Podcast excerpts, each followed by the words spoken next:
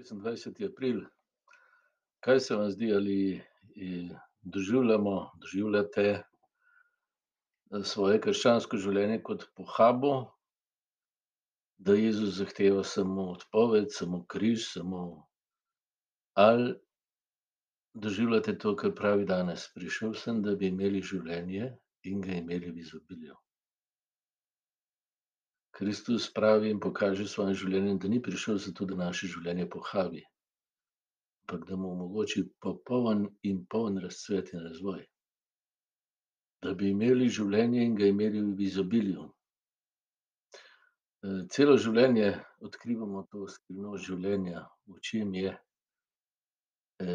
Jezus pokaže svojimi ozdravljenji, nenehno ozdravlja, nenehno dviga ljudi. Kaj pokaže? Da je tudi naše telesno življenje izredno dragoceno in pomembno za telesno življenje. Duhovnost, se pravi odnos, oseben odnos z Bogom lahko živimo samo v telesu. in da on skrbi in ozdravlja tudi telo.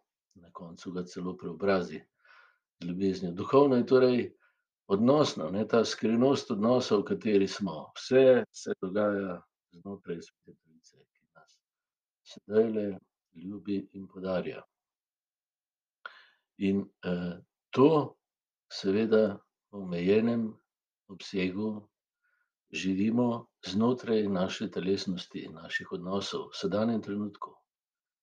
Zato pravi: "Vzemi vsak dan svoj križ." Križ česa? Ja, svoje krhkosti, omejenosti in sprejmi, da si življenje zato prejel, da se v polnosti razvije.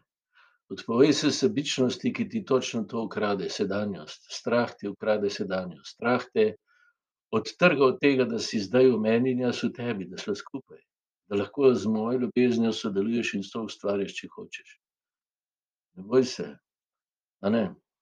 V evangeliju govori o, o volku in tatu. Ja, to je moj ego. Moj ego je volk in tat, ko postane glavni.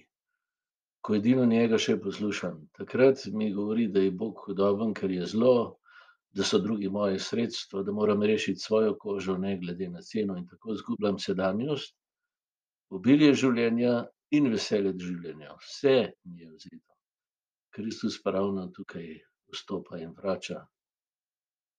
S tem, da me zaradi obilja življenja povabi, da vzamem svoj križ, to je boj vsak dan, s tem mojim egom, ki mu ne zaupa, ki verjame, da je Bog hudoben, pa je ravno obratno, pa tako naprej.